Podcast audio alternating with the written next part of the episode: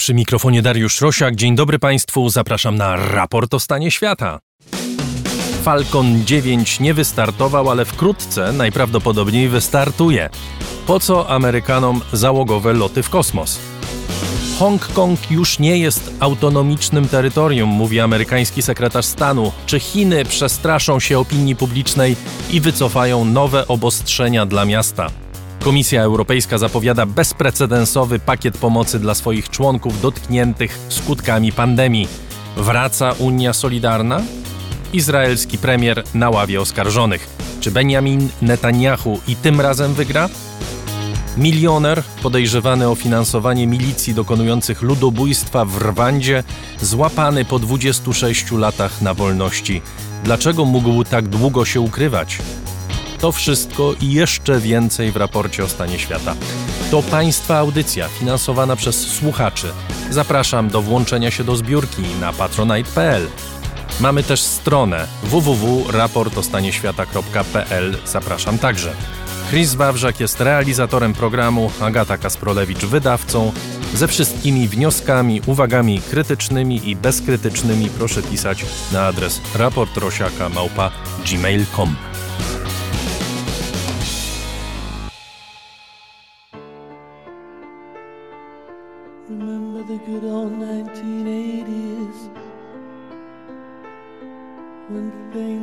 so uncomplicated.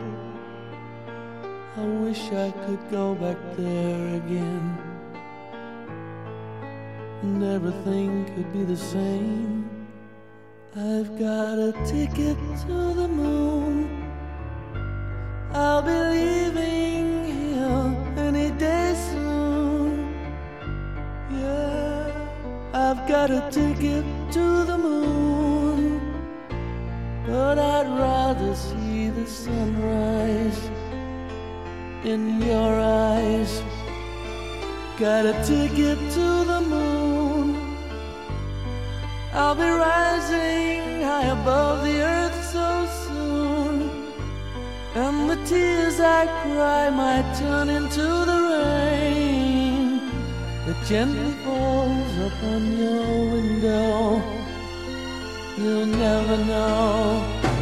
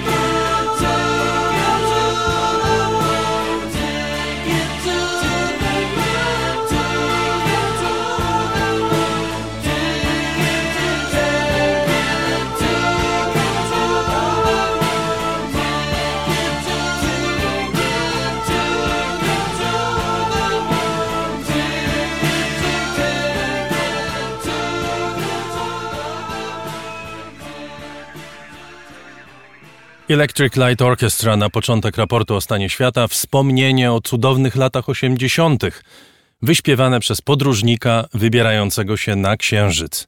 Takich podróżników kiedyś było bardzo niewielu. Dokładnie 12 osób do tej pory dotknęło powierzchni srebrnego globu, ale to się ma zmienić podobno. Krokiem w tym kierunku miał być środowy lot w kosmos. Pierwszy zorganizowany obok amerykańskiej agencji kosmicznej NASA przez firmę prywatną. We wspólnej misji NASA i SpaceX, firmy należącej do Elona Muska, miało wziąć udział dwóch astronautów. Mieli polecieć na Międzynarodową Stację Kosmiczną. Mieli, ale oczywiście nie polecieli. Na kilkanaście minut przed startem statku Falcon 9 misja została odwołana, a raczej przełożona. Nowy termin startu to sobota wieczór, a jeśli nie, to niedziela. Jest więc duża szansa, że w ten weekend to historyczne wydarzenie nastąpi. Dlaczego historyczne? Dlaczego w ogóle w czasach, kiedy ludzie wydają się być zajęci zupełnie innymi rzeczami? Zaczynamy raport o stanie świata od lotów kosmicznych. To są bardzo ciekawe pytania, a moim gościem jest Jakub Kapiszewski z Dziennika Gazety Prawnej. Dzień dobry. Dzień dobry. Opowiedzmy najpierw o tej misji. Kto ją zorganizował, dlaczego? Trochę o tym powiedziałem, ale proszę o więcej. To jest y, przełomowa misja kosmiczna, jeżeli można tak powiedzieć. Przełomowa przede wszystkim z punktu widzenia amerykańskiego, ponieważ ona leczy amerykańską dumę, bo to jest pierwszy raz od momentu, kiedy flota wahadłowców została wysłana na emeryturę w 2011 roku, kiedy amerykański astronauta, w tym wypadku dwóch, leci w kosmos w amerykańskiej rakiecie, która ma tylko i wyłącznie amerykańskie komponenty. Bo dotychczas Amerykanie wysyłali swoich astronautów na pokładach promów Sojus. Na szczęście Elon Musk nie jest Amerykaninem. Mówię na szczęście, bo wszystko by było amerykańskie właściwie, prawda? Jest, pochodzi z południowej Afryki. Człowiek, który ma ponoć nieprawdopodobne obsesje. My znamy jego obsesję, ale po co on w ogóle założył tą firmę SpaceX? Jaka jest istota jego myślenia na temat lotów kosmicznych? Po co mu to jest? Elon Musk mówi generalnie tak, że my tutaj na tej naszej planecie potrzebujemy planu B. Znaczy, musimy mieć jakiś plan awaryjny w razie, gdybyśmy tutaj za bardzo narozrabiali. To na razie wygląda, że rozrabiamy całkiem nieźle. No i ten plan B oczywiście zakłada przeniesienie się na jakąś inną planetę, którą moglibyśmy zasiedlić. E, nadzieja jest taka, że gdzieś w jakiejś tam dalekiej przyszłości będzie to Mars. No ale nie ma bezpośrednich lotów na Marsa, trzeba te loty dopiero stworzyć i żeby można tam było wozić dużo ludzi i dużo sprzętu, żeby było w ogóle możliwe zasiedlenie, tak? czyli stworzenie tam samowystarczalnego osiedla, no to potrzeba tego sprzętu zawieźć tam dużo. Niestety transport kosmiczny jest strasznie, strasznie drogi. E, I celem, tak jakby Ilona Maska, podstawowym, dla którego powstało w ogóle SpaceX, jest e, maksymalnie możliwe obniżenie kosztów wożenia rzeczy i ludzi w kosmos. I to mu się udaje? To znaczy, to jest rzeczywiście tańszy lot. Ten wylot y, tych dwóch astronautów miał być tańszy niż to, co wcześniej y, robiono przy pomocy wyłącznie środków y, publicznych? Tak. Miejsce w kapsule Crew Dragon, bo tak się nazywa ta kapsuła firmy SpaceX, kosztuje mniej więcej 60 milionów dolarów. To są wszystko, mówimy mniej więcej, dlatego że to nie są publiczne informacje, to są wszystko tajemnice handlowe spółki. E, I oni się też za bardzo nie, nie, nie lubią jakoś tym chwalić ale mówi się, że to jest 60 baniek w dolarach e, w porównaniu do miejsca mm, na promie Sojus, które NASA kosztowało 90 baniek. Ale patrząc tylko Bo przypomnijmy, wyłącznie... Amerykanie, jeżeli chcieli polecieć na misję kosmiczną, to musieli używać rosyjskich nośników, prawda? Dokładnie tak. Ktoś z Waszyngtonu musiał podnieść słuchawkę i zadzwonić do Moskwy i powiedzieć, Sasza, musimy jeszcze jednego gościa wysłać na orbitę. No proszę, no zróbcie coś. No i Sasza mówił, no dobra, 90 baniek, tak? E, ale patrzenie tylko i wyłącznie na koszt takiego biletu, to tak jakby pomija pewien aspekt, bo też chodziło o to, żeby mm, móc tych ludzi wozić taniej i móc tych ludzi wozić za pomocą całkowicie amerykańskiego rozwiązania. No jak wiemy, troszkę się klimat popsuł współpracy między Ameryką i Rosją na przestrzeni ostatnich kilku lat. No i fakt, że trzeba było właśnie dzwonić do Moskwy, do Saszy i prosić, żeby to miejsce w tym kosmicznym autobusie, e, w kosmicznym busie właściwie, e, zarezerwował, no trochę jednak godziło w dumę narodową, no i też strategicznie wyglądało kiepsko. Tam z tyłu tego projektu jest y, oczywiście też y, turystyka kosmiczna. To znaczy ci panowie, którzy mieli wystartować y, w środę, a wystartują być może w sobotę wieczorem albo w niedzielę y, wieczorem, to są profesjonalni astronauci, którzy już E, wcześniej latali w kosmos, ale e, co? Założenie jest takie, że jak ktoś będzie miał te 60 milionów dolarów, to po prostu przyjdzie do NASA i powie, dzień dobry, chciałem polecieć w kosmos? Albo przyjdzie do Elona Muska pewnie Zadzwonię do Maska, tak. To nie jest do końca takie proste. Znaczy, generalnie SpaceX w planach ma rozwój kosmicznej turystyki, ale jeżeli e, budujesz taką firmę, która właśnie ma gdzieś tam wozić ludzi na Marsa, to prawdopodobnie nie możesz polegać tylko i wyłącznie na tym strumieniu finansowania, jakie zapewnią ci turyści, chociaż oczywiście jest to za każdym razem spora kwota pieniędzy, rzędu właśnie kilkunastu, kilkudziesięciu milionów dolarów, bo już były przecież turystyczne loty w kosmos, tak? Latali na promach Sojus e, kosmonauci parę dobrych lat temu. E, Tam wtedy płacili po 20, po 30 milionów dolarów, o ile dobrze pamiętam. Człowiekowi takiemu jak ja, to znaczy średnio interesującemu się lotami w kosmos, wydaje się, może się przynajmniej wydawać, prawda, że nic się nie dzieje. Być może za mało czytam na ten temat, ale że nic się w ogóle w tej dziedzinie nie dzieje, że od czasu, kiedy człowiek stanął na Księżycu, kiedy Amerykanie przestali e, wahadłowce wysyłać e, w przestrzeń kosmiczną, zwłaszcza po tym tragicznym losie e, w 86 roku wahadłowca Challenger, że to jest gdzieś taka dziedzina, która usuwa się na margines. Po czym odrobiłem pracę domową i przeczytałem. W 2017 roku odbyło się 90 startów rakietowych. Kto to robi i w ogóle po co? No to są bardzo różne starty rakietowe. Część z tych startów to są na przykład misje, które wnoszą na orbitę e, satelity szpiegowskie. Tak, na przykład Amerykanie mają, dajmy na to, nie dwa albo trzy tego typu starty e, w ciągu roku. E, Wcześniej obsługiwały je firmy e, Boeing Lockheed Martin do spółki. Teraz robi to m.in. również Elon Musk na pokładach swoich rakiet. Rosjanie przecież mają flotę satelitów szpiegowskich, Chińczycy mają, tak, więc są takie starty rządowe na przykład, nie? Oprócz tego jest mnóstwo startów telekomunikacyjnych, tak, że jak ktoś ma jakaś firma telekomunikacyjna, ma konstelację, te satelity się zużywają, one się psują, bo mają jakiś tam okres pobytu na orbicie, dajmy na to 10-15 lat. Jeśli nie da rady się z nimi ni- nic zrobić, no to one są deorbitowane, to się ładnie mówi, czy one po prostu sobie spadają, spadają, spadają, się spalają w atmosferze i trzeba je zastąpić nowymi. To też są te starty.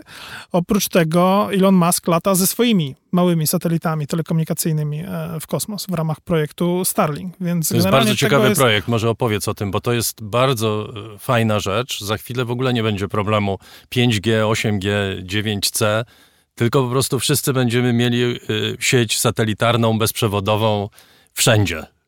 Tak? Kiedyś, kiedyś rewolucją w Polsce była Neostrada, no, Muskostrada będzie teraz po prostu dostępna.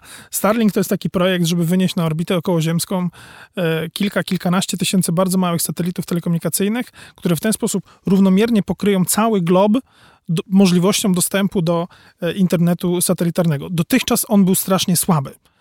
Dlatego nie mamy go w domach i strasznie drogi. Dlatego też nie mamy go w domach, tak? Nie jest w ogóle nikomu potrzebny e, z punktu widzenia takiego użytkownika, który chciałby sobie czasem obejrzeć e, film na streamingu. Natomiast e, SpaceX mówi, że kiedy ta konstelacja za parę lat będzie już taka w miarę sensowna, czyli oni ją zbudują do jednej trzeciej, do połowy satelitów, która będzie na orbicie, będzie można u nich kupić abonkę na jednogigabitowy internet.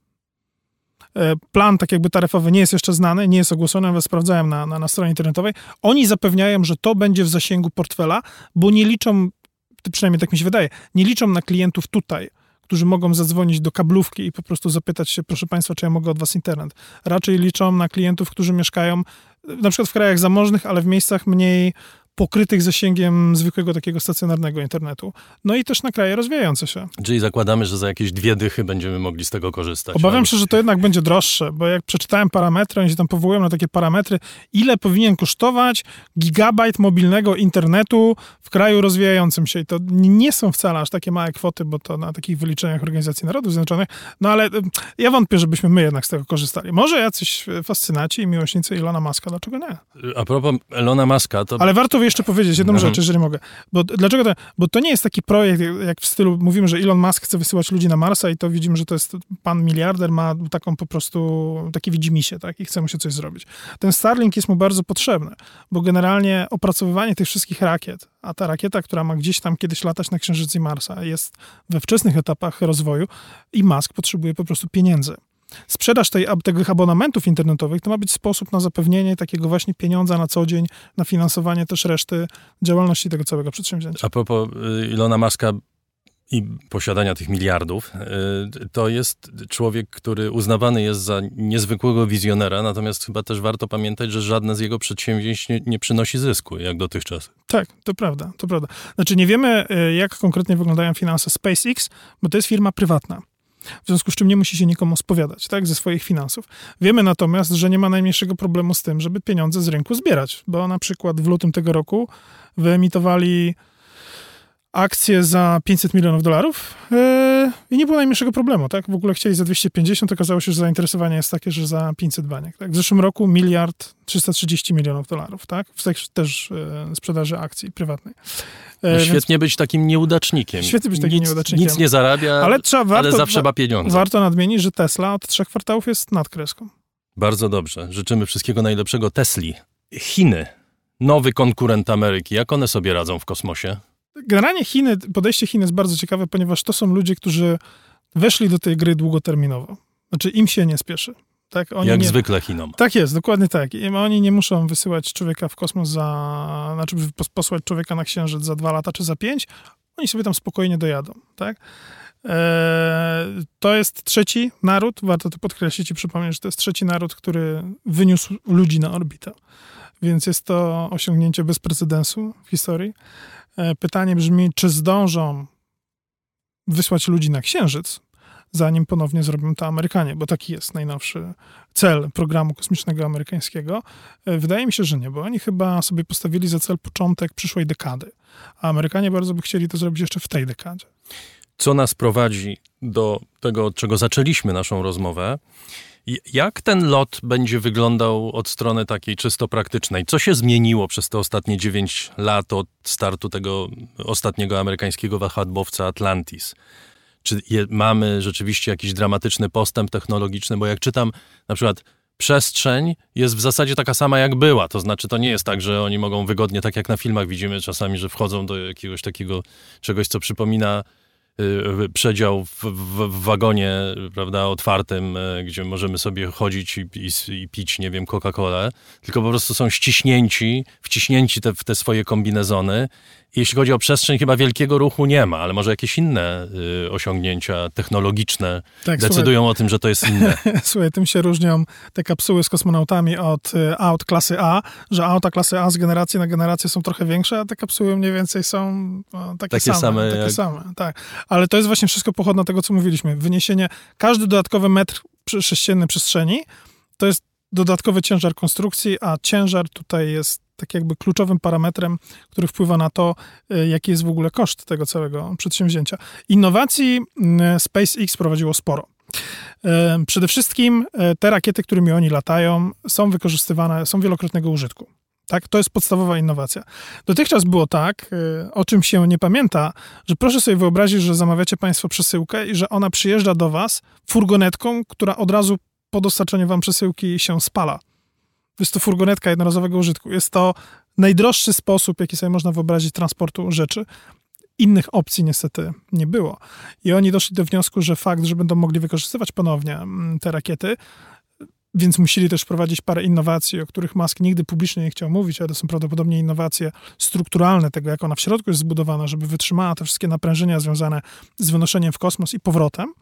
E, I użyciem tego, ponownym. Tak, i ponownym użyciem, dokładnie tak. Po to, żeby mogły być wykorzystywane ponownie. Na chwilę obecną wygląda to w ten sposób, że te rakiety, którym oni latają, czyli Falcon 9 ona się nazywa, e, tak zwany pierwszy etap, first stage, wraca i jest wykorzystywany ponownie, ale żaden nie był wykorzystany więcej niż jeden raz. To też jest trochę związane z tym, jak klienci do nich przychodzą, tak? I jak patrzą na używane y, pojazdy kosmiczne i mówią, no słuchajcie, no zrobiliśmy satelitę, on kosztował 50 milionów dolarów, no, no nie, nie, dajcie nam nową rakietę. I SpaceX mówi, okej, okay, nie ma sprawy, my tu mamy proszę bardzo, do wyboru, do koloru. Dopiero najnowsza rakieta, którą oni wprowadzili do, mm, e, do, do, do służby, zdaje się chyba na początku tego roku albo pod koniec ubiegłego, tak zwana wersja piąta tej rakiety, ona ma latać w kosmos 10 razy, i tylko tak, bez konieczności jakiejś tam dokonywania bliższych, głębszych napraw i jakichś głębszych inspekcji, tylko po prostu ma przyjść technik, sprawdzić, nie wiem, jak z samochodem, tak, podłączyć laptopa, zobaczyć, czy wszystko działa, i po 24 godzinach nawet ma być dostępna y, do służby. Więc tak jakby oni dopiero teraz po, po prawie 15, po ponad 15 latach od funkcjonowania, tak jakby wreszcie są na tym etapie, o którym mówili od samego początku, że chcieliby być. Oni polecą, prawda? Jak nie polecą w sobotę, to polecą w niedzielę. To wszystko do tej pory zależy tylko od pogody. Problem polega na tym, że pogoda w lotach kosmicznych to jest e, trochę gorsza sprawa niż pogoda nad Bałtykiem. Znaczy, jak nad Bałtyk, jak już pojedziemy, to po prostu siedzimy, czy pada, czy nie, a tam po prostu tych gości trzeba wyjąć z rakiety i, i, i zaplanować jakiś nowy termin. Więc pogoda jest tutaj kluczowym, kluczowym absolutnie czynnikiem. I to pogoda w momencie, kiedy ma wystartować, bo tutaj zdaje się było tak, że godzinę potem już były warunki tak, oni do już startu. wesz, tak, oni już weszli, oni już weszli, przecież byli już zainstalowani w tej kapsule, zaczęli chyba lać paliwo nawet. E, więc y, to się faktycznie może zepsuć w ostatniej chwili i, i no, trzymamy oczywiście kciuki. Tym bardziej trzymamy kciuki, bo o czym się też mało zapomina, oczywiście to jest osiągnięcie dla Amerykanów, ale generalnie to jest osiągnięcie w historii całych lotów kosmicznych, ponieważ było tylko dziewięć pojazdów, które były zdolne do tego, żeby wynieść ludzi na orbitę. Trzy to były te, którymi latali Amerykanie, Gemini, Mercury i Apollo. Trzy to były rosyjskie i to jest Sojus, Wostok i Woschod. Był taki jeszcze. Jeden jest chiński, ten, o którym mówiliśmy, że Chińczycy polecieli, to jest Shenzhou. Był jeszcze wahadłowiec, to jest osiem. I Crew Dragon, czyli ten, którymi właśnie polecą astronauci tych dwóch, to jest, to jest dziewiąty. Dopiero dziewiąty w historii lotów kosmicznych, która ma ponad 60 lat. Bardzo dziękuję. Jakub Kapiszewski z Dziennika Gazety Prawnej był gościem raportu o stanie świata w studio. W raportu Ja bardzo dziękuję za świata. zaproszenie. Dziękuję bardzo.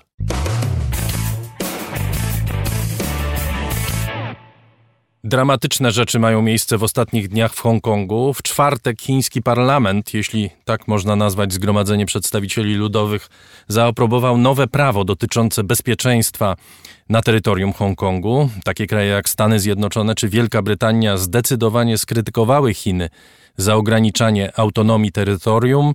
Na ulicę, mimo obowiązujących przepisów o izolacji społecznej, wyszły tysiące ludzi. Setki trafiły do aresztu.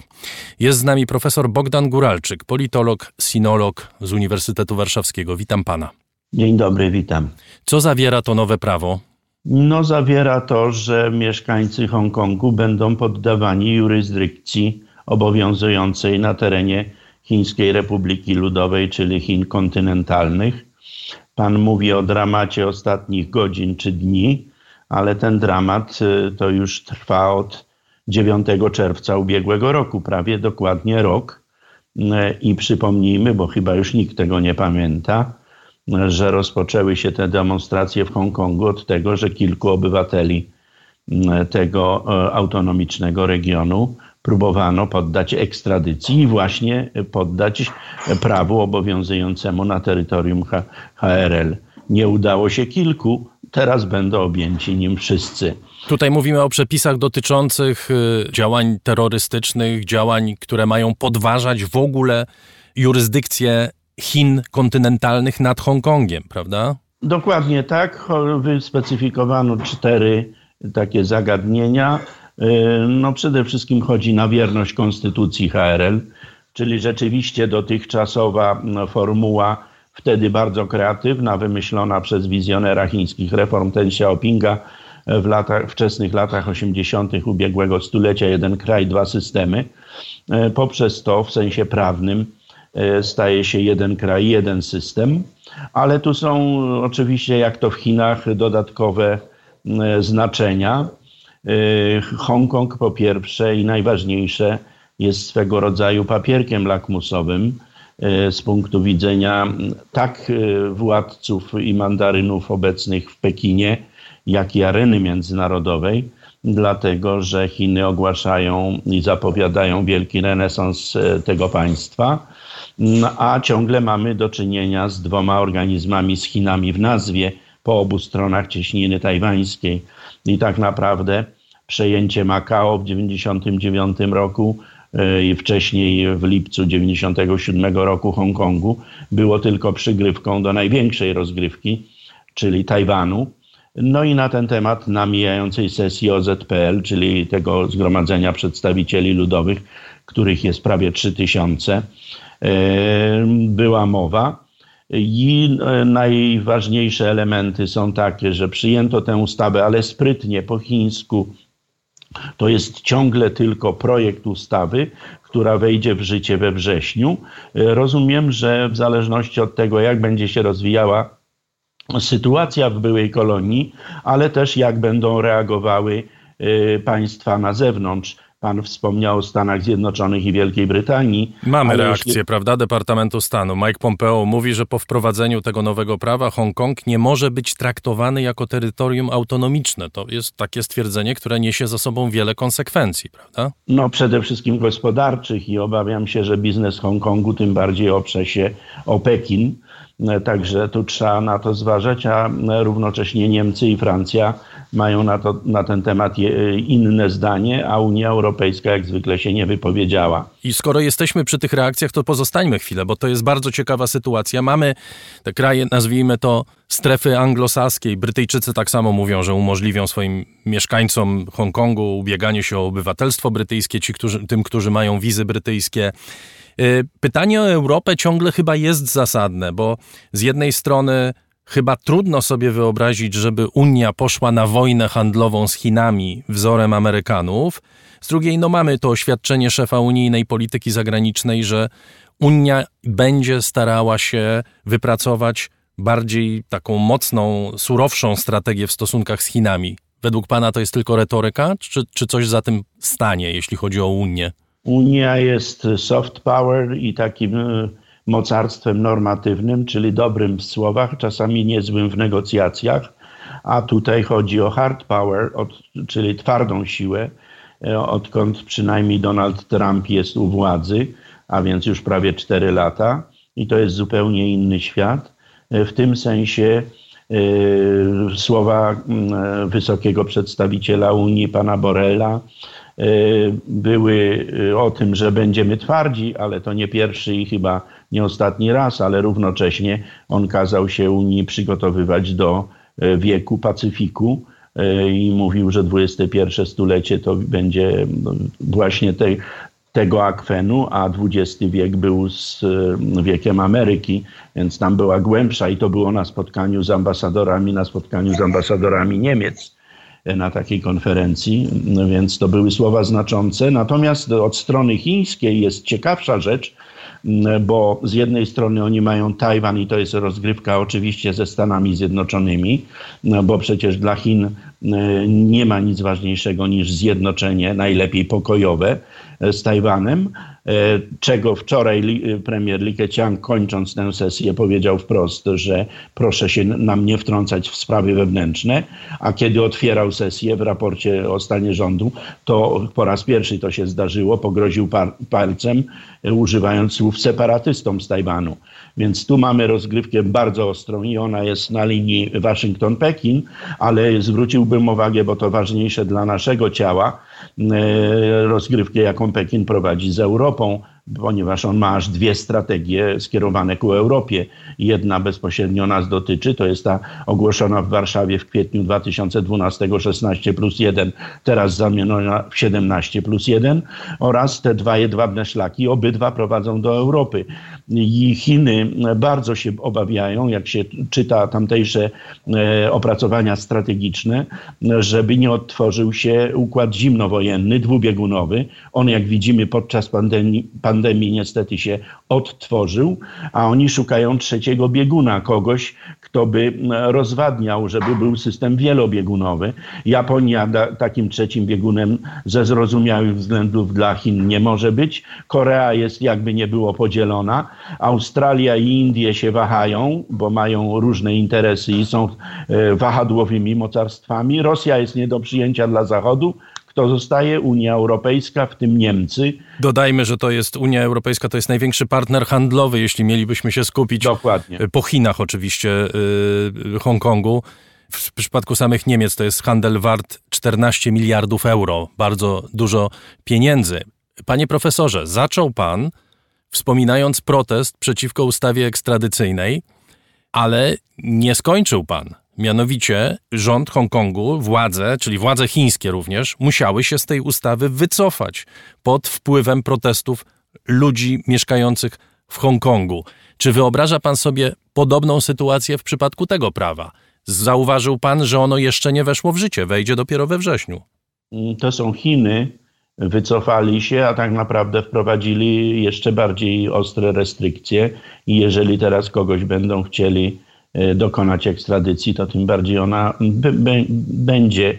Jednym słowem, Pekin zaczął dyktować z pozycji siły. To jest nowa jakość, to jest nowe rozwiązanie, no, dlatego że w czasie pandemii mamy nową odsłonę tego konfliktu najważniejszego między dwoma największymi organizmami gospodarczymi na świecie, czyli Stanami i Chinami.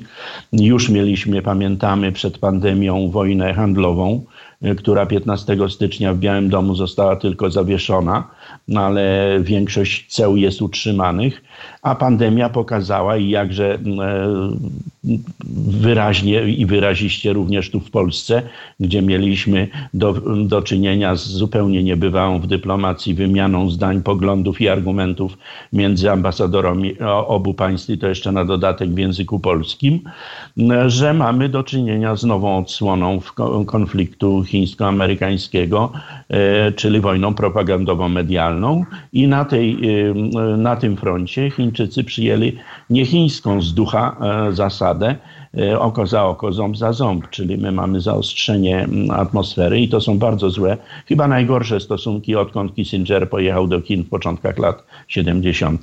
Panie profesorze, kości rzuc zostały rzucone, to znaczy my wiemy, że ten konflikt trwa i on się rozwija. Czy pan należy do tego grona obserwatorów i ekspertów, którzy uważają, że Chiny z natury rzeczy wygrają tę konfrontację? Za dużo wiem o Chinach, żeby twierdzić, że już, że już wygrały. Mają niesamowitą ilość, ale to na inną rozmowę, problemów związanych nie tylko z Hongkongiem, tylko własną gospodarką, starzeniem się, zadłużeniem wewnętrznym, długiem publicznym, e, nietrafionymi inwestycjami, źle trafionymi inwestycjami również wobec, w, w programie pasa i szlaku. Jednym słowem, trzeba najpierw posprzątać u siebie w domostwie, żeby mówić, że wygraliśmy ale jest druga strona tego medalu. Pamiętamy doświadczenia poprzedniego wielkiego kryzysu, co prawda gospodarczego, nie e, medycznego czy pandemicznego, e, tego z 2008 roku, kiedy to e, Centrum Gospodarki Światowej i Handlu przesunęło się z Atlantyku na Pacyfik. Jeżeli obecne tendencje z tego roku, tak jak dotychczas, zostaną utrzymane, to mm, ta to, co ujęliśmy już naukowo i statystycznie, że centrum światowe przenosi się na Pacyfik, ta tendencja zostanie podtrzymana, utrzymana i oczywiście z główną rolą Chin. Temu się należy przyglądać, bo to są y, no, zupełnie geostrategiczne zmiany i zupełnie podstawowe tąpnięcia. Temu się należy przyglądać, ale przyzna pan, że Chiny, te nowe Chiny, te Chiny po Mao Tse-tungu, nie były nigdy przetestowane tak, jak była przetestowana demokracja liberalna, tak jak były przetestowane Stany Zjednoczone, jak była przetestowana Europa dwoma wojnami, kryzysami niezliczonymi y, finansowymi, gospodarczymi, upadkami gospodarki i tak dalej. Była w stanie z tego wyjść, była w stanie się wybronić. Do tego zmierzało to moje poprzednie pytanie. Może za wcześnie kładziemy, że tak powiem, krzyżyk na Stanach Zjednoczonych i na Europie? Ja nie kładę krzyżyka ani na Stanach. Na Europie to jest inny temat w ogóle na inną rozmowę. Natomiast Chiny zostały już przetestowane co najmniej ze dwa, trzy razy. Pierwszy raz niewątpliwie podczas wydarzeń na placu Tiananmen w 1989 roku byłem tam, książkę na ten temat napisałem. Później wyciągnęły i były przetestowane i wyciągnęły właściwe wnioski, to pewne, po rozpadzie Związku Radzieckiego, kiedy ten Xiaoping e, stanął przed e, dylematem, jak zmienić wszystko, żeby wszystko zostało po staremu, to znaczy jak wywrócić rzeczywistość, żeby komunistyczna partia Chin, przynajmniej z nazwy, została przy władzy. To się udało, a teraz dokonuje się tam przewrót iście kopernikański i to jest największe i czasochłonne, pracochłonne i przede wszystkim kosztowne. Tam się dokonuje zmiana modelu rozwojowego. E, ten poprzedni ekstensywny, ekspansywny, oparty na eksporcie i na rabunkowej gospodarce wręcz, musiał być zakończony, bo groził jeszcze większym wybuchem niż ten na placu Tiananmen. I to z przymusu Chiny zmieniają model i 80% uwagi tej sesji y, parlamentu, która się wczoraj zakończyła, było poświęcone temu, jak zbudować teraz silne społeczeństwo. Poprzednio budowali silne państwo, a teraz społeczeństwo, ale nie obywatelskie w sensie zachodnim e, e, demokracji liberalnej, tylko pod względem kiesy, kasy, a więc siły nabywczej, bo Poprzednio motorem napędowym chińskiego modelu był eksport i ekspansja, a teraz ma nim być klasa średnia i kwitnący rynek wewnętrzny, a te trzeba niemałym kosztem w organizmie liczącym bagatela miliard 400 milionów mieszkańców, czyli trzykrotnie większym pod względem ludnościowym niż cała Unia Europejska jeszcze przed Brexitem, trzeba to zbudować. To jest ogromny y, proces i dlatego ja mówię, że Chiny jeszcze nic nie wygrały, bo muszą posprzątać u siebie. Bardzo dziękuję. Profesor Bogdan Guralczyk, politolog i sinolog z Uniwersytetu Warszawskiego, był gościem raportu o stanie świata. Dziękuję panu bardzo. Dziękuję bardzo.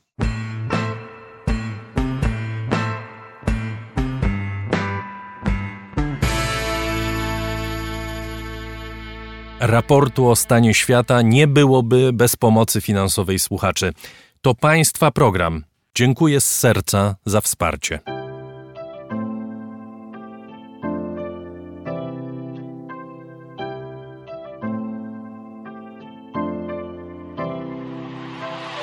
Raport o stanie świata jest programem w całości finansowanym przez słuchaczy. Z serca dziękuję wszystkim Państwu. Zwłaszcza teraz, w tak trudnym momencie, Wasza hojność jest dla mnie ogromnym zobowiązaniem. Zbiórka na patronite.pl ciągle trwa. Zachęcam do udziału w niej. Najhojniejsi patroni raportu o stanie świata to firma Prosper Sklep z Sosnowca, hurtownia elektroenergetyczna. Firma Venterm, instalacje fotowoltaiczne z Dąbrowy koło Niepołomic. Krzysztof Goszkowski, Michał Małkiewicz. Firma Software Mill od zawsze zdalni programują dla całego świata, a także Marcin Drąg, Mariusz Drużyński, Piotr Jedliński i Patrycja Macjon z Ratujmy Trójkę, Palarnia Kawy La Cafo z Augustowa, Tomasz Kośmider, Alan Meller, Paweł Nowy Nowak, Fundacja imienia Jana Palucha, Nina i Tadeusz Szubowie z dworku Tradycja w Bełcznie, miejscu, gdzie szacunek dla drugiego człowieka i czynienie dobra są zawsze w cenie. Monika i Grzegorz Wasowscy. Gonia i Robert Zduńczyk, założyciele Fundacji Ekonomicznej Polska Afryka Wschodnia. Dziękuję bardzo. To dzięki Państwu mamy raport o stanie świata.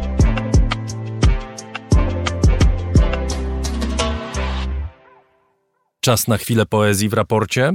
Przemek Lewandowski jest twórcą festiwalu podróżniczego w Łuczyki w Gryfinie, dyrektorem artystycznym Ińskiego Lata Filmowego, a także patronem i przyjacielem raportu o stanie świata.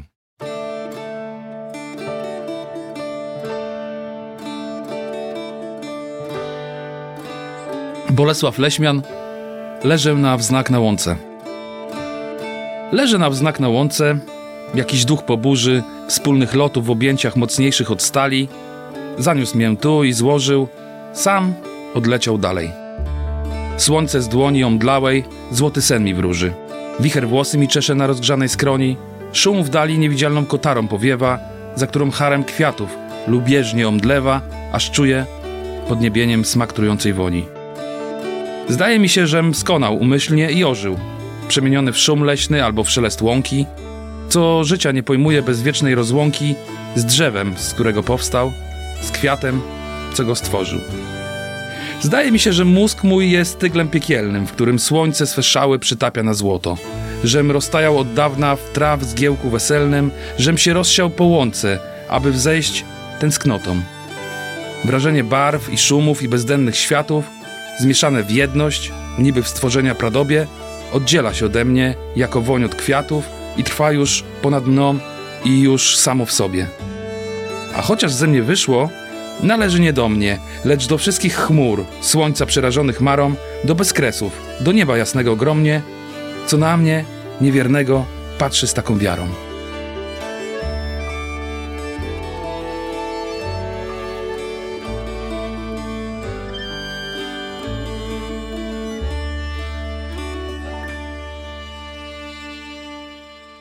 Jeden z najbardziej poszukiwanych, podejrzanych o udział w ludobójstwie w Rwandzie.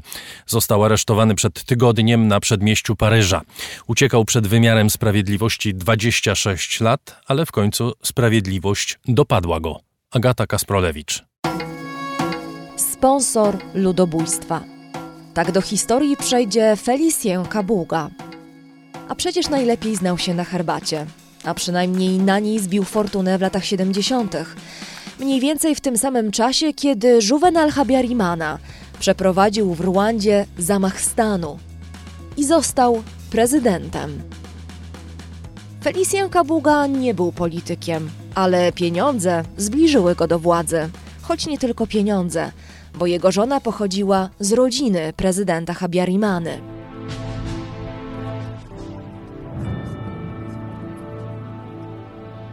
Zestrzelenie samolotu z prezydentem na pokładzie 6 kwietnia 1994 roku rozpoczęło najkrwawsze 100 dni w historii Rwandy. Prezydent Habyarimana opowiadał się za pokojowym rozstrzygnięciem konfliktu między zwaśnionymi plemionami Hutu i Tutsi. Jego śmierć stała się impulsem do rozpoczęcia rzezi, która objęła cały kraj. Hutu, kierowani przez bojówki Interahamwe, wyżynali swoich sąsiadów Tutsi. Wszystko to za pieniądze Kabugi.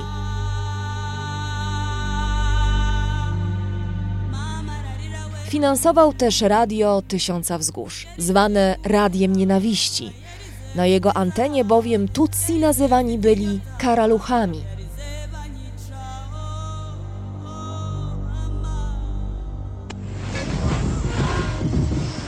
Tak jak w tym fragmencie, który pochodzi z archiwów Międzynarodowego Trybunału Karnego dla Rwandy.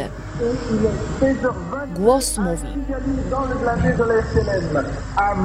To wiadomość dla wszystkich karaluchów, które teraz słuchają. Rwanda należy do tych, którzy jej naprawdę bronią, a wy, karaluchy, nie jesteście prawdziwymi Rwandyjczykami.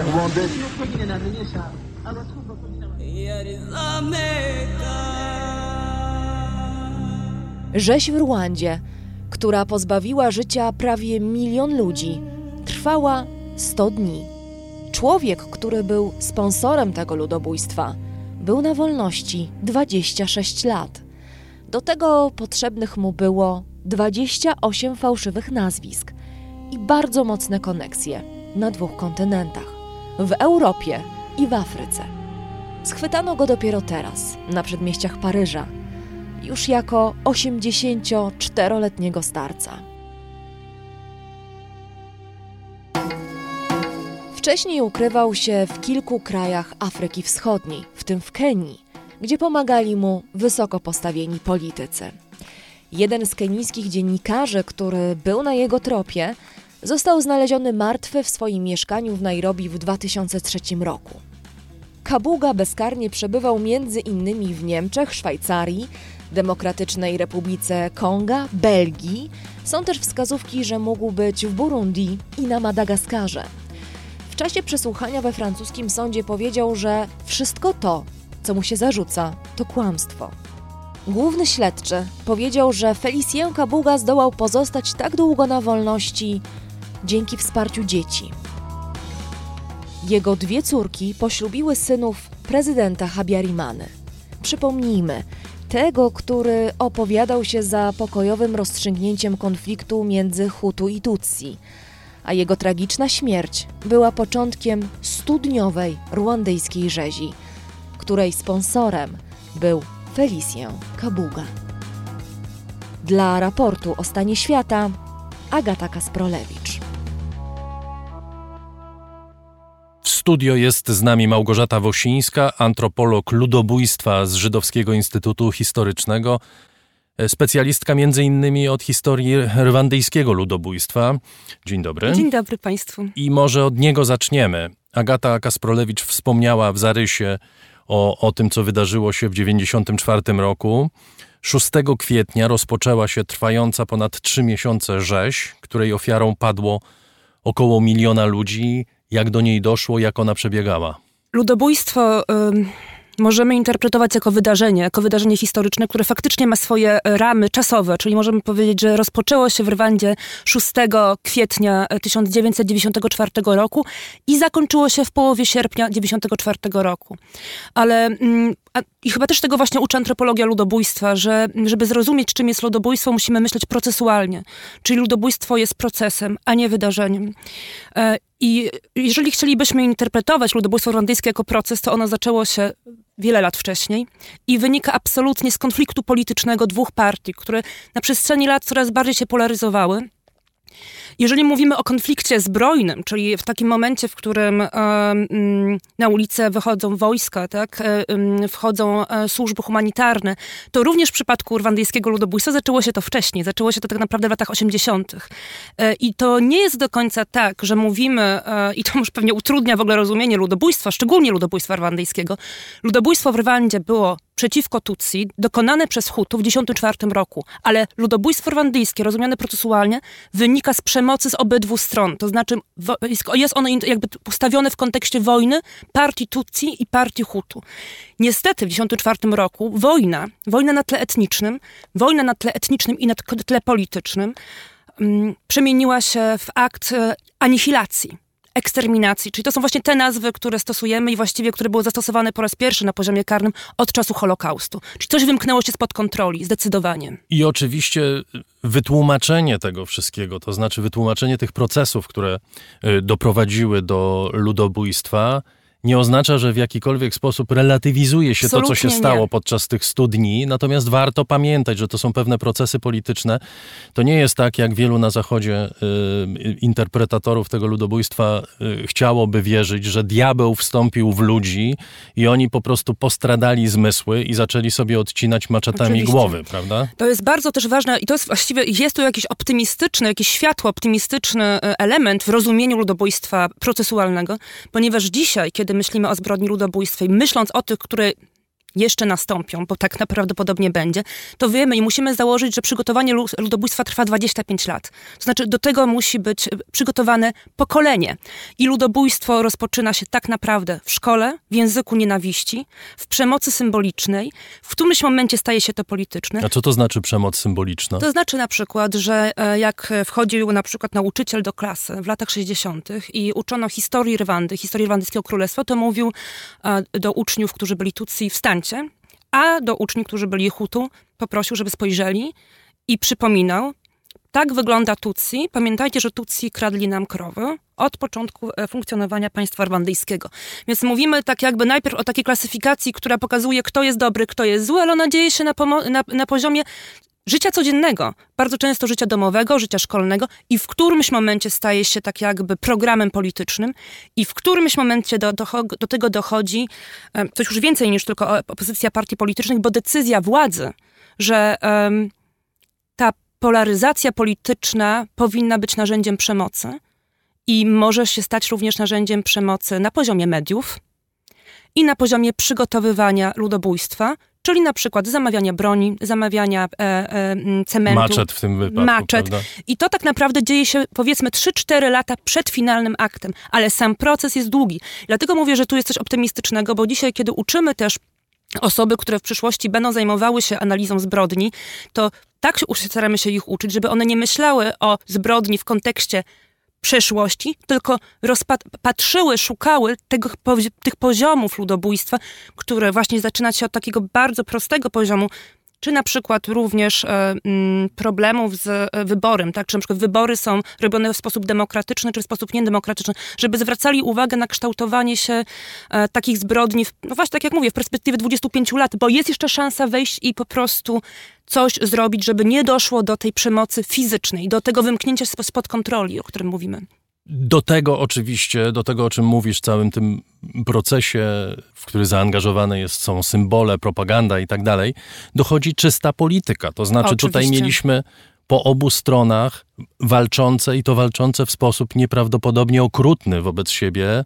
Y, wojsko prowadzone przez Pola Kagame, który później został prezydentem Rwandy. Nowej Rwandy, tak. Które mordowało ludzi y, na północy Rwandy i mieliśmy cały ten proces establishmentu, zapoczątkowany przez establishment rwandyjski, który zakończył się, o którym mówiłaś, zakończył się ludobójstwem, kiedy ludzie po prostu wyszli na ulicę i zaczęli Tak. fizycznie mordować swoich sąsiadów, prawda? To było coś nieprawdopodobnie okrutnego, co w pamięci rwandyjskiej jest y, no, takim czymś, czego nie da się ani wyprzeć, ani, ani przerobić. Chyba, ja nie wiem, może się mylę, ale to chyba nie jest realne. E, Właśnie jest jeszcze kwestia przerobienia, bo jeżeli mówimy o tych korzeniach ludobójstwa, tych 25 latach, potem mówimy o akcie ludobójstwa, to procesualność oznacza również, że my myślimy o tym, co jest po zbrodni, po ludobójstwie. E, I e, ta rekonsyliacja, czy pojednanie, czy jest możliwe? Oczywiście prezydent Kagame, Paul Kagame mówi, że jego kraj jest przykładem idealnego rozwiązania i pełnej rekonsyliacji. Czy tak jest, trudno powiedzieć, bo jak wiemy, dzisiejsza Rwanda nie jest może idealnym przykładem państwa demokratycznego, aczkolwiek faktycznie na poziomie zarządzania tym bardzo trudnym, traumatycznym dziedzictwem, Rwandyjczycy pod przewództwem Paula Kagame zrobili bardzo dużo. Paul Kagame, żeby słuchacze mieli jasność, to jest człowiek, który na czele armii Tutsi wyzwolił kraj, no tak to trzeba nazwać, prawda? To znaczy po prostu y, opanował sytuację, zakończył y, tę rzeź. Czy mógł ją zakończyć prezydentem. wcześniej? Jakie były implikacje polityczne tego, co on robił przez cały 94 rok? To jest trochę odrębna rzecz. Nie mamy za bardzo czasu, żeby o tym rozmawiać, ale niezwykle ciekawy proces tak samo. Chciałbym, żebyśmy wrócili do, do tego, od czego zaczęliśmy, do takich ludzi jak Felicjan Kabuga. Dlaczego rwandyjscy mordercy mogli tak długo, mogli uchodzić sprawiedliwości? Do tej pory niektórzy z nich są y, nieodnalezieni, nieskazani. Y, bardzo wielu z nich w ogóle umknęło wymiarowi sprawiedliwości. Wracamy tutaj właśnie do tej kwestii, o której powiedziałeś wcześniej, że e, tutaj oczywiście, że doszło do ludobójstwa, co jest e, aktem strasznej anihilacji, ale było to była to czysta polityka. To znaczy, jeżeli czysta jest polityka i są dwie partie i są też dwie armie, zanim doszło do ludobójstwa, jest też wielu popleczników. Są konkretne kraje, czyli na przykład Uganda była bliżej dzisiejszego prezydenta Kagame, ale z kolei Demokratyczna Republika Konga bez żadnego problemu zaraz po ludobójstwie przyjmowała uciekinierów, bardzo często wojskowych, z otwartymi ramionami. Podobnie robiła Kenia, która wcześniej miała interesy Rządowych, to znaczy rządowych. sprawców ludobójstwa. Oczywiście, sprawców. Ponieważ Kenia sympatyzowała bardziej z partią Hutu, więc nie było problemu. Co też jest bardzo ciekawe, Kabuga jak uciekł e, do Kenii, to on uciekał jeszcze pod swoim własnym nazwiskiem. To znaczy w 95-96 roku nie miał jeszcze poczucia fizycznego takiego zagrożenia, żeby zmienić dokumenty. Więc e, jak to jest możliwe? Po pierwsze nieszczelność, nieszczelność granic, w znaczeniu takim, że Demokratyczna Republika Konga zaraz po 1994 roku, po ludobójstwie, przez cały czas była terenem aż do 1999 roku realnych konfliktów zbrojnych. E, także tutaj znowu wracamy do tej procesualności. Ludobójstwo się zakończyło, ale nie zakończyła się wojna. Jak jest wojna, to łatwo uciekać. Tak samo było w stronę Burundi. Przez cały czas ten region przygraniczny był niebezpieczny, ale to znaczy też swobodny dla przenikania. I z drugiej strony to są interesy polityczne konkretnych krajów, które przed wojną, przed 1994 rokiem wspierały konkretne partie polityczne. Na przykład Francja przyjęła bardzo wielu uciekinierów Hutu. Oczywiście tutaj nie mówię, że uciekinier Hutu to znaczy tylko osoba, która e, jest skojarzona, czy jest zbrodniarzem, czy jest skojarzona w sposób pośredni czy bezpośredni ze zbrodnią, ale to było też bardzo wielu Hutu, którzy po prostu zdecydowali się po ludobójstwie um, zmienić, um, zmienić miejsce zamieszkania, bojąc się represji, na przykład represji na swoich rodzinach, niekoniecznie będąc fizycznie zaangażowani w ludobójstwo. Proszę pamiętać, że przed um, ludobójstwem rwandyjskim 75% społeczności rwandyjskiej, a mówimy o kilkunastu, 11 milionach bodajże w 1994 roku, to było społeczeństwo Hutu. Więc do dzisiaj mamy bardzo silną społeczność Hutu, nazw, których już nie można wypowiadać, bo dzisiaj są tylko Rwandyjczycy oczywiście, ale mówiąc o takich tematach, bardzo trudno nie mówić o Tutsi Hutu. Jest bardzo wielu Hutu- w Kenii, jest bardzo wielu Hutu we Francji. Zresztą mówi się, jeżeli gdziekolwiek powstaje opozycja wobec obecnego rządu prezydenta Kagame, czyli prezydenta naprawdę reprezentującego interesy Tutsi, to ona również jest opozycją, która jest tworzona poza granicami Rwandy. Jeszcze y, znowu nie mamy czasu, bo to jest kolejny wielki temat, ale warto wspomnieć, przynajmniej wywołując ten temat, że swoją rolę w, w ukrywaniu tych morderców odegrał Kościół katolicki, który był częścią y, establishmentu rwandyjskiego. Znowu nie mówimy o wszystkich księżach ani o całej hierarchii kościelnej, no ale mamy dowody na to, że Kościół ukrywał po prostu morderców. Oczywiście, że tak e, i myślę, że to e, e, był z jednej strony właśnie to był Kościół, a z drugiej każda inna, instytu- każda inna instytucja, która mogła stworzyć bezpieczny parasol. Równie dobrze to mógł być biznes, bo jak wiemy Kabuga przebywając w Kenii w ukryciu również prowadził bardzo dobrze prosperujący biznes w jakiejś tam kompanii, bodajże kom, przepraszam, firmie zajmującej się produkcją rolnictwem, żywności, tak. rolnictwem, dokładnie chcę powiedzieć. Więc tak i um, też myślę, że warto, warto powiedzieć, że Takich osób jest prawdopodobnie bardzo wiele, e, które się do dzisiaj ukrywa, ale mm, sytuacja... Był Trybunał Rwandyjski, Był Trybunał Rwandyjski. który skazał ile osób? Postawił na, wokandzie, postawił na wokandzie bodajże 96, a zostało skazanych e, 60, e, 66. Więc e, na, na liczbę osób, które fizycznie brała udział w ludobójstwie i która wydawała decyzję za, e, za to, że to ludobójstwo nie tylko się um, odbyło, ale ono też po prostu... Um, było przygotowywane wcześniej, bo to też jest duża odpowiedzialność. Właśnie to jest odpowiedzialność Kabugi. My nie mamy dowodów tego, że on zabijał fizycznie, ale mamy absolutne dowody na to, że był milionerem, który umożliwił e, ściągnięcie broni, wspierał rząd i wspierał e, media, co tutaj się okazało najbardziej bolesne, ponieważ w pewnym momencie, tym takim przedludobójczym, mówimy o tych dwóch, dwóch trzech tygodniach, czterech tygodniach, to właśnie e, media, radio, radioodbiorniki, które były już specjalnie rozłożone e, na wieś, tak żeby ludzie mieli kontakt i słuchali poleceń, e, spowodowały, że e, stało się to ludobójstwem nie tyle dokonanym przez mechaniczną, przez mechaniczną, wyprecyzowaną zbrodnię i sprawców, tylko przez sąsiadów. To jest to tak zwane ludobójstwo bliskie. Jedna rzecz ważna. Od jakiegoś czasu, właściwie Paul Kagame chciałby wierzyć, że od 94 roku, ale to nie do końca jest prawda, bo mieliśmy do czynienia z mordami odwetowymi, z rzeziami dokonywanymi przez Tutsi na Hutu, tak samo po tej wojnie. E, ale trwa proces pojednania, prawda? Trwa, zdecydowanie. E, czy możesz paru słowach opowiedzieć, na czym ten proces polega? Również jednym z jego elementów jest wymiar sprawiedliwości, Jak bardzo specyficzny. Powiedzmy tak, że było ICTR, czyli e, Międzynarodowy Trybunał Karny dla Rwandy, który faktycznie jako pierwszy w 1998 roku od czasu Holokaustu użył terminu ludobójstwo na poziomie prawnym. Od czasu konwencji ONZ-owskiej 1948 roku, która została ustanowiona po Holokauście, zostało to zastosowane po raz pierwszy. Z drugiej strony jednak Rwandyjczycy, Paul Kagame uważał, że ICTR działa zbyt wolno i mm, jest nieskuteczny być może jest nieskuteczny, jeżeli był nieskuteczny, jeżeli mówimy o postawionych tylko 66 osobach. I e, wprowadził sądy gaczacza, czyli sądy rwandyjskie, które prowadziły równolegle sprawy i ich było około, mówimy około miliona, ale były to procesy symboliczne, tak zwany sąd na trawie, bardzo ciekawe zjawisko, więc ja też osoby zainteresowane odsyłam jakby do tego, e, do, do tego tematu. E, sam ten fakt wewnętrznej sprawiedliwości i um, przepracowywania tego na poziomie trawy, tak jak się to mówi, sąd na trawie, czyli na poziomie absolutnie lokalnym, spowodował, że ten temat, czy Czerwonejczycy chcieli, czy nie chcieli, musiał być przepracowywany społecznie. Że to się nie działo ze zamkniętymi drzwiami w sądzie, prawda, czy w dalekiej Aruszy, bo ICTR miało swoją headquarter, miała swoją e, siedzibę w Aruszy, tylko to się działo w konkretnej wsi, e, na konkretnym polu, w konkretnym miasteczku, więc to wymagało procesy, powiedziałabym, takie psychospołeczne.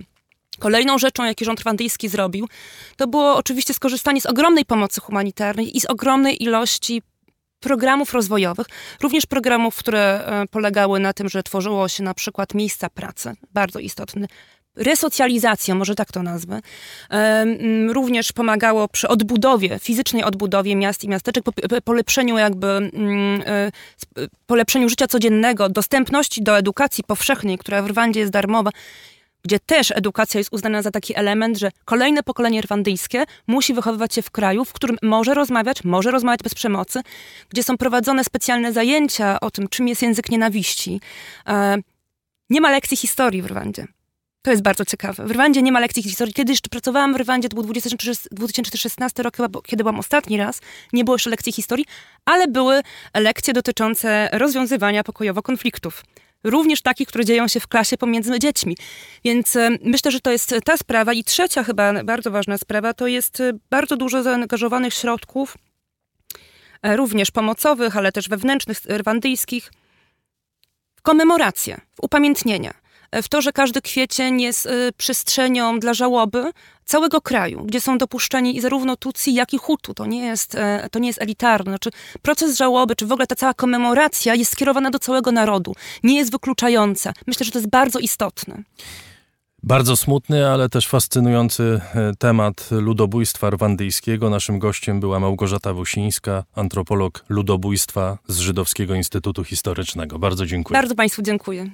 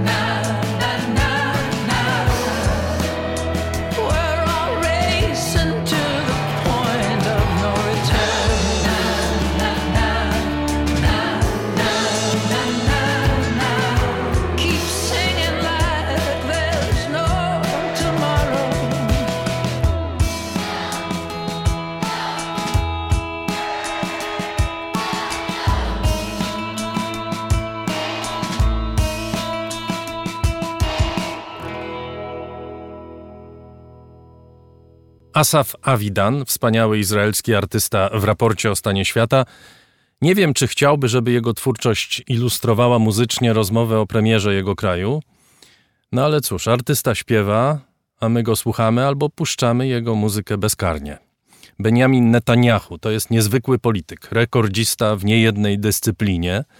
Na przykład jest najdłużej rządzącym premierem Izraela ale nas dzisiaj będzie interesował inny ustanowiony przez niego rekord. Jest mianowicie pierwszym urzędującym premierem Izraela, który odpowiada przed sądem z zarzutami. Proces Netanyahu o korupcję, przekupstwo, utrudnianie śledztwa rozpoczął się w sądzie w Jerozolimie. Premierowi grozi długoletni wyrok więzienia. Równocześnie Netanyahu przed tygodniem rozpoczął kolejną kadencję w roli premiera, kadencję, która jak każda inna w historii współczesnego Izraela zapowiada się niezwykle burzliwie. W studio Agnieszka Bryc z Uniwersytetu Mikołaja Kopernika. Dzień dobry. Dzień dobry. O co konkretnie oskarżony jest Netanyahu? To jest dobre pytanie. Ja bym powiedziała przekornie, a o co nie jest oskarżony premier Netanyahu. E, Spraw pierwotnie, które prowadziła policja, było cztery i one miały takie swoje kryptonimy. Sprawa 1000, sprawa 2000, 3000, 4000. Z tych czterech spraw do etapu sądowego zostały Zostało tylko trzy. Pierwsza, tysiąc, dotyczy korupcji, przyjmowania bardzo wartościowych e, prezentów od przyjaciół Netanyahu. No, począwszy od drogich cygar, po szampany, po wina. Tego się naprawdę e, sporo uzbierało. Potem e, sprawa 2000, 3000 i 4000 to już są sprawy, powiedziałabym, politycznie poważniejsze, ponieważ dotyczą albo korupcji na zasadzie forsowania lepszego wizerunku premiera w zamian za ustępstwa dla Jediot, jednej z takich wiodących gazet izraelskich. E, albo odwrotnie, był także Bezek. My wiemy, że Bezek izraelski e, to jest główny dostawca internetu w Izraelu i jednocześnie właściciel takiego portalu Walla, bardzo poczytnego, klikalnego i jakby sprawa była podobna w zamian za, w zamian za lepszy wizerunek premiera właśnie w tym portalu firma Bezek miała dostać y, daleko idące pozytywne regulacje, nad którymi pieczy sprawował właśnie premier. Jest cała masa dowodów, śledztwo policyjne trwało kilka lat, w zasadzie trzy lata. Długo też trwał proces taki przedsądowy, kiedy premier był nie tyle pozywany, co wypytywany przez prokuratora.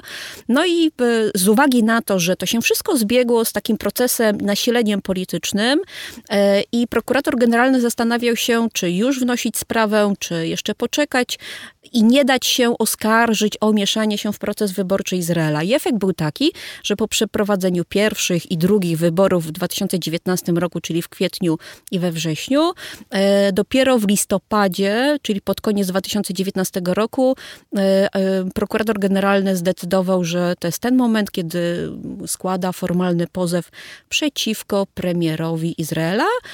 Ten proces miał ruszyć w marcu ale się y, sytuacja na tyle skomplikowała, że z jednej strony powstała pandemia, prawda, rozwinęła się pandemia, z drugiej strony obrońcy Netanyahu złożyli y, prośbę o to, że no, mając tak dużo materiału, y, muszą go opracować, potrzebują trochę więcej czasu i ostatecznie sąd się zgodził przesunąć termin na maj i tutaj znowu mamy dwie korelacje.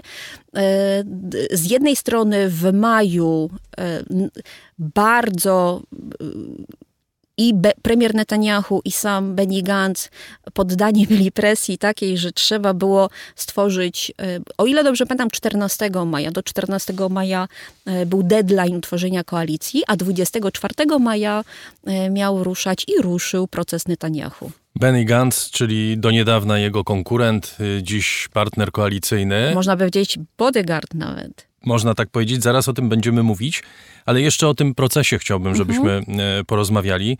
Jemu nie udało się uniknąć tego procesu, na co też pewnie e, e, liczył, ale to chyba w warunkach Izraela było nierealne. Natomiast liczył przez moment, że uda mu się uniknąć, ponieważ jest premierem, prawda? I, i, i to też okazało się nierealne, co pokazuje, że ten system izraelski jest niezależny od polityków i to wiemy nie od, nie od dzisiaj. Natomiast jego linią obrony jest y, twierdzenie, że to wszystko jest tak jak w Turcji istnieje głębokie państwo, tak samo w Izraelu istnieje głębokie państwo, którego celem jest zniszczenie Benjamina Netanyahu. Tak. Y, I pytanie, y, być może naiwne, a może nie, brzmi, czy jemu ludzie wierzą, jak on takie rzeczy opowiada. I, I tutaj właśnie wracamy do mm, tego od dawna podzielonego Izraela i izraelskiego społeczeństwa. I można powiedzieć 50-50. Prawie 50% Izraelczyków, znaczy Izraelczycy są tak samo podzieleni jak Polacy. My naprawdę mamy znacznie więcej cech wspólnych niż byśmy często chcieli mm, Przyznać, przyznać tak? I wygląda w ten sposób, że prawie 50% ufa w, w, wytłumacze, znaczy w tłumaczenie Netanyahu, wierzy, że premier jest niewinny. E, Premier jeszcze to podsyca właśnie takimi historiami w stylu całe deep state, czyli głębokie państwo walczy ze mną, doprowadzają... Tak, to to jest to, to głębokie No właśnie. państwo? To, jest, to, to są te, te media, które on próbował przekupić, czy co to jest? E, To, Prokuratura, policja, czyli to, to tak jest jak w Turcji? Tak jak trochę jak w Turcji, trochę mm, pamiętamy y, taki syndrom z 2001 roku, kto nie z nami jest przeciwko nam. I w Izraelu premier Netanyahu właśnie stosuje taką, e, taką metodę identyfikacji sojuszników i wrogów. E, I według Bibiego e, głębokie państwo, czyli wszyscy jego wrogowie to po pierwsze policja, która prowadziła śledztwo kilka lat. On uważa, że śledztwo było sfabrykowane i skorumpowane od samego początku. Po drugie, prokurator generalny i jego ekipa, czyli to jest ta instytucja państwowa, która wniosła akt oskarżenia. Po trzecie, media, przede wszystkim lewicowe, bo te krytykują Netanyahu. Po czwarte, em, akademia, czyli uniwersytety i tak zwane, jak to premier mówi, elity. I to według niego jest deep state i w zasadzie ci wrogowie, którzy w jego ocenie prowadzą do zamachu politycznego i robią wszystko, żeby siłą usunąć go e, z urzędu premiera. Em, e, A on, jako prawda, ten jedyny niewinny, uważa, że mm, nie może ulec takiemu mm, szantażowi będzie się bronił do końca. Robi to naprawdę w sposób ultraprofesjonalny, e, po mistrzowsku. E, Ja, ja nie wiem, jak on to robi, ale naprawdę pod tym względem jest mistrzem świata. To znaczy teraz wszedł na trochę inny, świeży dla niego teren, prawda? No bo jednak wymiar sprawiedliwości to nie jest polityka i tam e, to nie on będzie rządził w tej sali sądowej, prawda? Tak, tam był nawet taki bardzo ciekawy, mm, e, wytworzyła I się jego bardzo ciekawa... manipulacje, czy jego y, zagrywki propagandowe, zagrywki polityczne nie zawsze muszą się sprawdzić. Nie No, zawsze muszą się wypadku. sprawdzić, ale y, premier Netanyahu walczy. E, Pierwszy dzień procesu, on był w zasadzie techniczny, nie miał większego znaczenia, no po prostu formalnie trzeba było wszcząć, e, rozpocząć proces. Pojawił się premier Netanyahu. Dziennikarze nie mogli wejść na salę, więc y, nie mogli relacjonować na żywo, co się dzieje. Nawet zdjęcia, które mm, można było robić, y, nie pokazywały premiera Netanyahu stojącego przed sądem w sposób taki, prawda, face to face, więc on y, tym się także bronił. Co więcej, on przedstawiał, znaczy y, y, przyszedł do sądu ze swoimi partyjnymi przyjaciółmi. Pod sądem e, odbywała się jednocześnie duża całkiem demonstracja jego zwolenników. I teraz uwaga, podczas gdy demonstracja jego przeciwników miała miejsce pod siedzibą, pod rezydencją premiera na ulicy Bolfora, e, więc można powiedzieć, on był całkiem PR-owo dobrze przygotowany. Poza tym na, o, nie tyle przeprowadził, co wygłosił takie bardzo słynne, e, można powiedzieć symboliczne, e, m, wys- znaczy, symboliczne przemówienie na schodach. E, po- W tym przemówieniu powtórzył wszystkie swoje zarzuty względem państwa głębokiego, spisku przeciwko Netanyahu, e, przeciwko sobie i powiedział, że nie ustąpi, jest niewinny i że w zasadzie on musi walczyć z zamachem politycznym w Izraelu.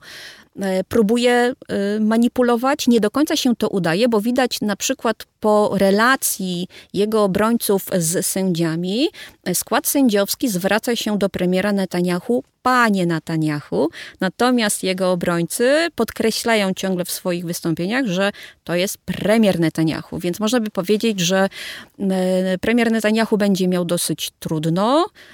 I grożą mu, grozi mu wiele lat od siatki, tak? Tak, ale nie przyzwyczajajmy się do tego, że na pewno dostanie 10 lat od siatki, ponieważ e, to są maksymalne wymiary kary. 10 lat i 3 lata za e, naruszenie zaufania.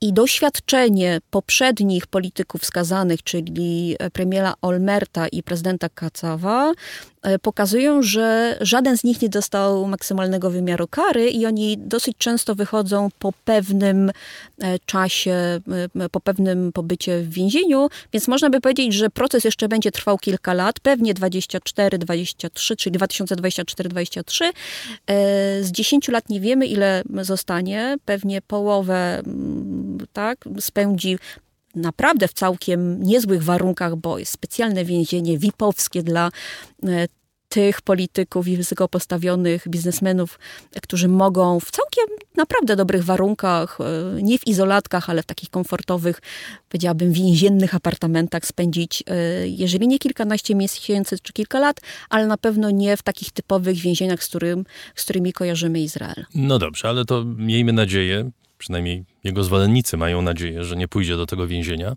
Przez jakiś czas będzie jeszcze rządził Izraelem. Trzy razy w ostatnich miesiącach głosowali Izraelczycy. Żadne z tych wyborów nie okazały się konkluzywne, to znaczy żadnych z tych wyborów nie wygrał ktokolwiek, kto był w stanie sformować rząd. Wreszcie Netanyahu dogadał się z Benny Gantzem, czyli przedstawicielem opozycji, który został tym liderem opozycji, dlatego że mówił, że nigdy w życiu nie będzie się wiązał z Netanyahu, zszargał sobie przy okazji reputację. Mamy koalicję, mamy rząd koalicyjny i mamy główny punkt tej koalicji, czyli aneksję zachodniego brzegu, czyli terenów zajmowanych i kontrolowanych przez Palestyńczyków. Ona ma się zacząć bardzo niedługo, w 1 lipca.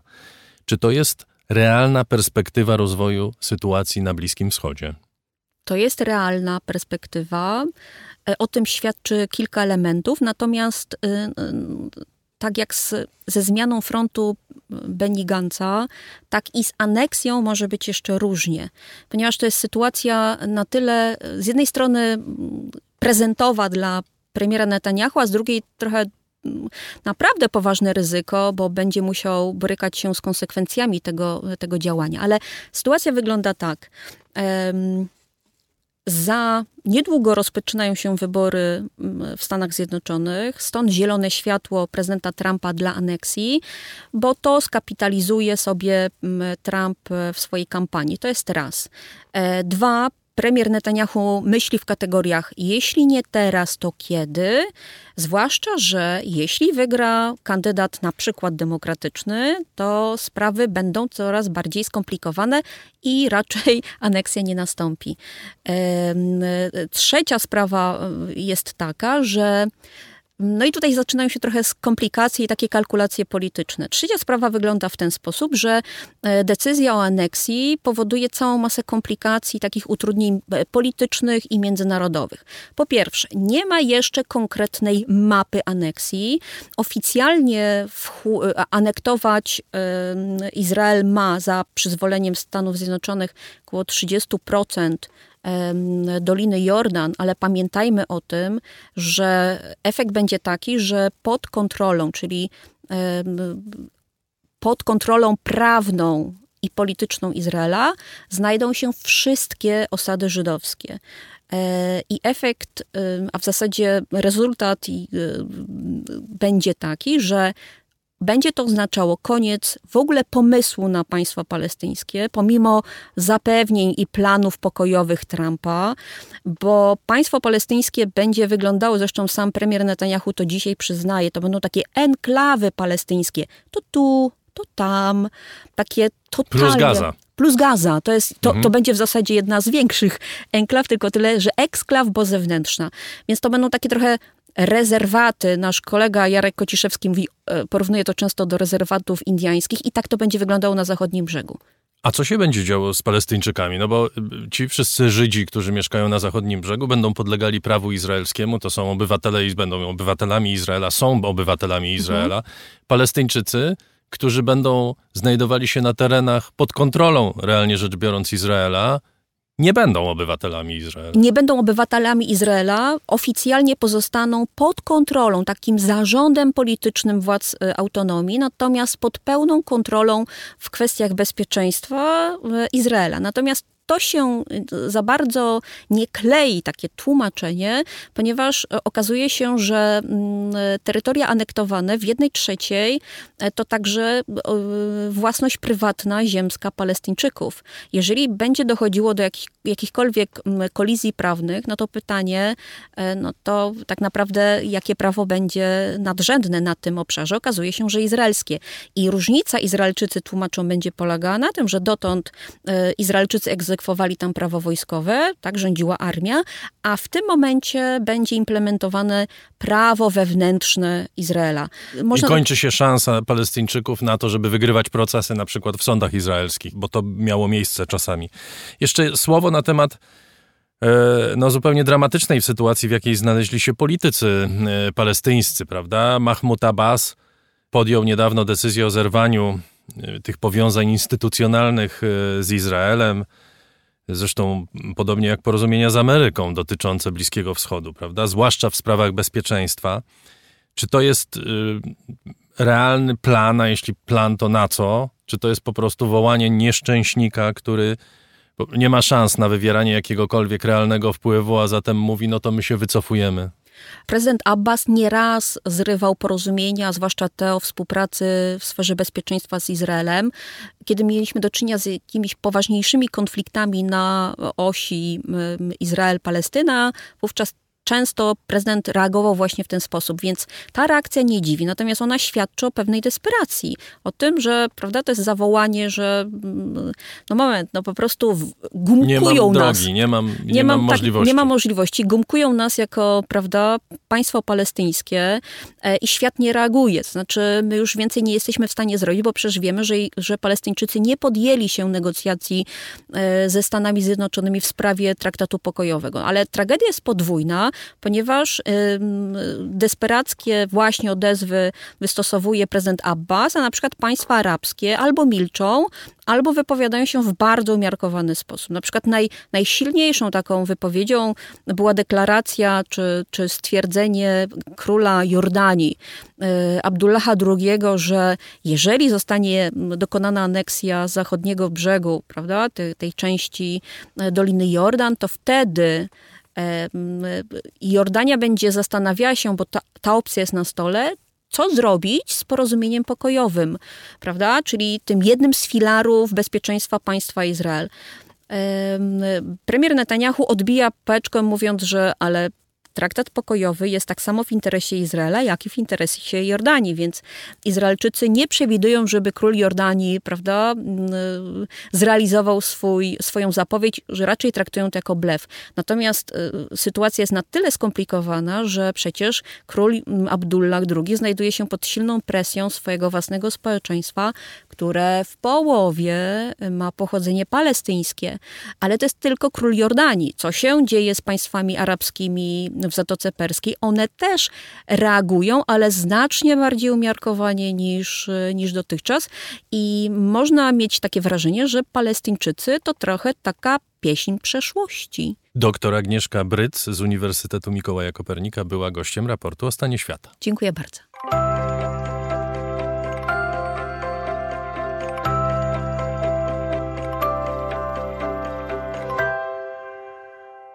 Komisja Europejska zapowiedziała niezwykle ambitny plan wsparcia europejskich gospodarek sumą 750 miliardów euro. Pieniądze te mają zostać pożyczone przez Unię na rynkach finansowych, przynajmniej częściowo, co samo w sobie nie powinno być problemem, bo Unia traktowana jest przez rynki jako bardzo wiarygodny partner, a następnie pieniądze mają być rozdysponowane między kraje członkowskie w postaci grantów na realizację projektów. To jest e, z pewnością największy, najszerzej zakrojony program wsparcia unijnego w sytuacji kryzysowej w historii tej instytucji, choć nie brakuje wątpliwości dotyczących szczegółów a zwłaszcza finansowania tego pakietu pomocowego. W Brukseli jest z nami Anna Słojewska, korespondentka Rzeczpospolitej w tym pięknym mieście. Dzień dobry. Dzień dobry. No to krytycy Unii mają się spyszna, bo podobno nic nie robiła w sprawie koronawirusa, a teraz wychodzi z programem, którego skala jest bezprecedensowa. Unia okazuje się znowu Unią Solidarną. Zgadza się?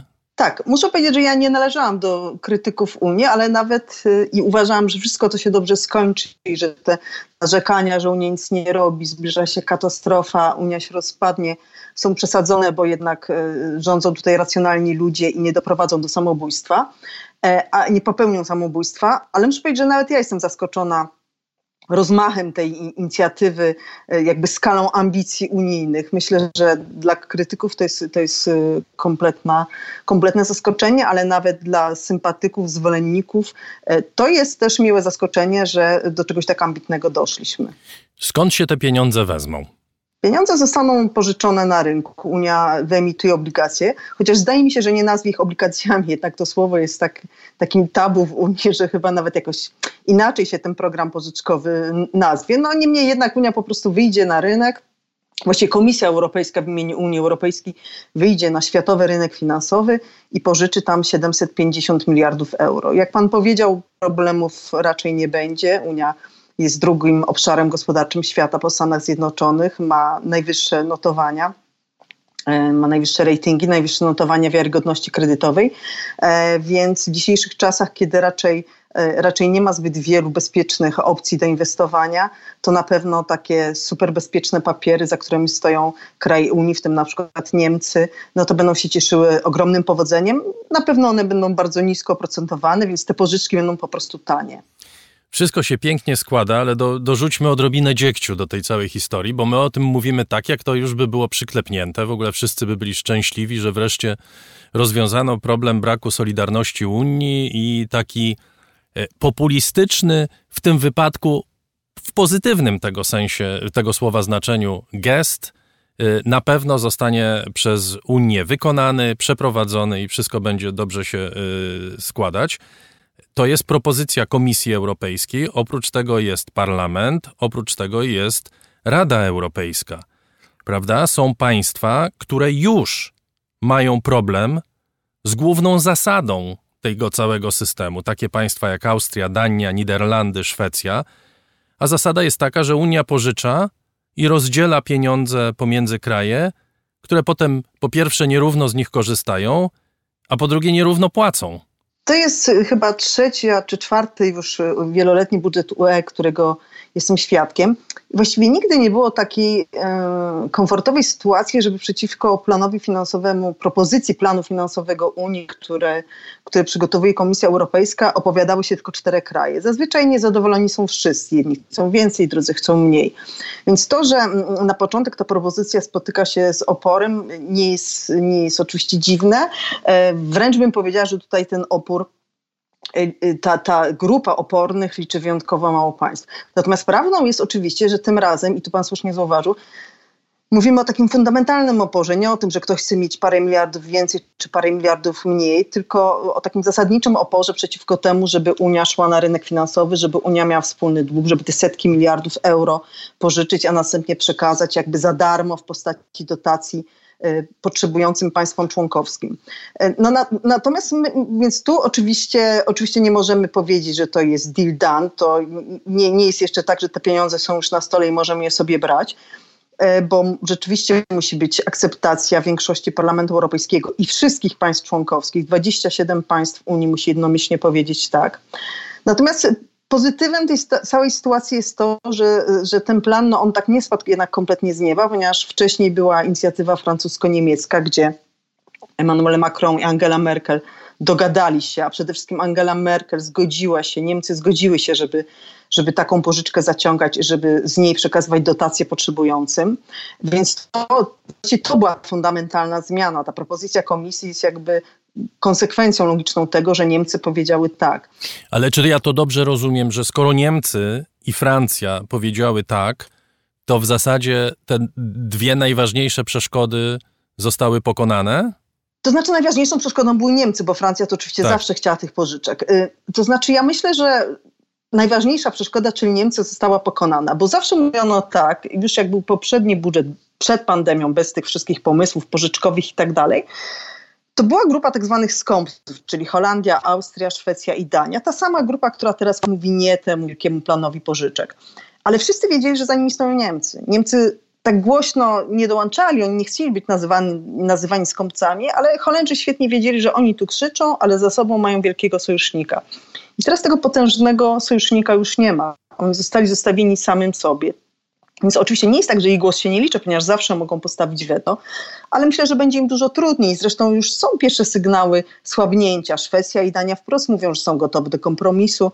Zresztą w tych dwóch krajach rządzi lewica, więc no, też tak trochę chyba do końca nie mogą się opierać planom e, jakby wysypywania pieniędzy na, na, na wychodzenie z kryzysu.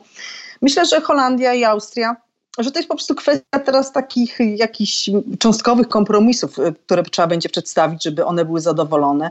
Na pewno mm, jest kwestia słynnych rabatów, czyli ulg dla największych płatników netto we wpłatach do unijnego budżetu.